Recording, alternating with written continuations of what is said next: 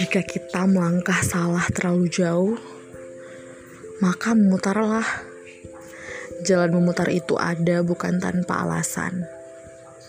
Tuhan tahu aku, kamu, dan kita membutuhkannya.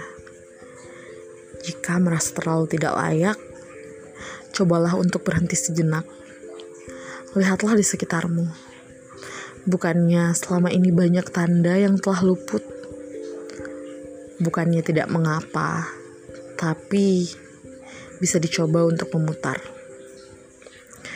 Dengan lebih serius, dengan lebih sungguh-sungguh. Kedamaian itu masih di situ, menunggu aku, kamu, dan kita semua untuk berani melewati jalan memutar, untuk kembali